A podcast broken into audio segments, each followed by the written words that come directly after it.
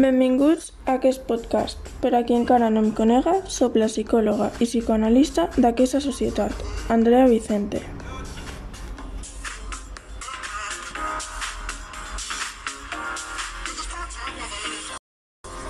Avui anem a tractar un tema molt important i posarem a prova els coneixements que hi ha a la societat en la que vivim.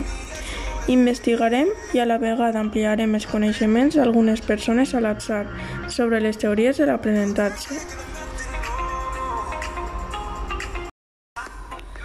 I teniu ganes de començar?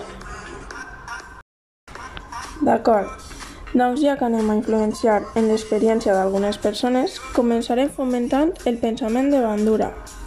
Suposo que vosaltres sabreu qui és, però anem a comprovar el que saben aquestes persones.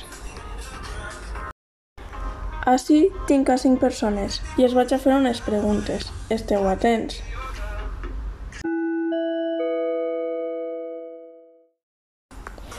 Primera pregunta. ¿Sabríeu dir-me alguna cosa sobre bandura? No, no sé lo que es. ¿Qué es eso? No el conec. No. Ara que siga, sabríeu dir-me qui és? No. Un psicòleg? Jo la veritat que no el conec. Yo la verdad es que no conozco nada.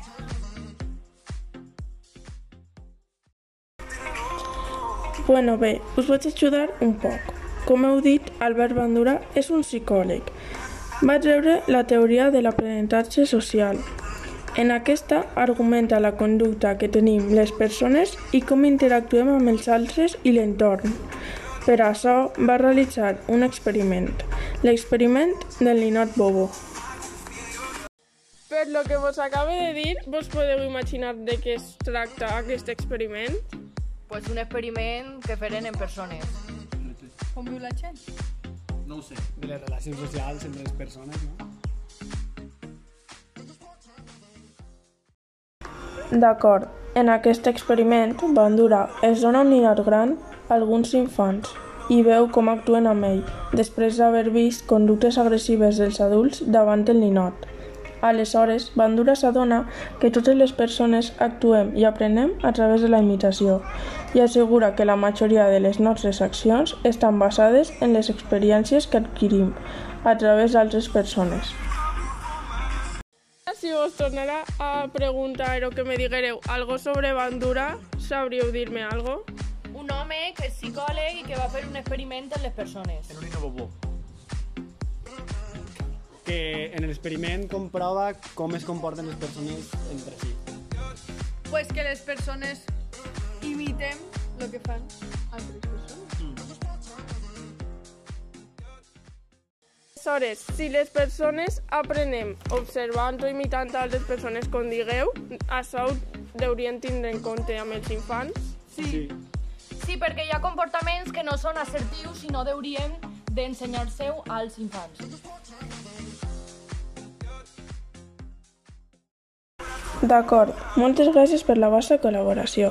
D'alguna manera, acabeu de ser exemple de la teoria de Bandura, encara que en compte d'adquirir o modificar pautes d'interacció social a través de l'observació i la imitació com fan els infants, heu adquirit o modificat coneixements a través d'escoltar els coneixements d'altres persones, en este cas, meus. Espero que us hagi servit i que d'ací en avant, quan us tornen a preguntar qui és Bandura, sapigueu contestar. Per finalitzar aquest podcast, espero que us hagi quedat clar l'important que és tenir coneixements sobre les teories psicològiques, ja que aquestes ajuden a comprendre el comportament de les persones i de la mateixa manera ens ajuden com a futurs educadors i educadores a comprendre el comportament dels infants i la seva forma d'aprendre.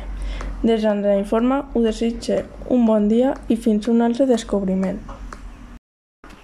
Agraïments a Marta Grau, Vicent Sabater, Àlex Tortosa, Lucía Lleste i Adrián Lleste.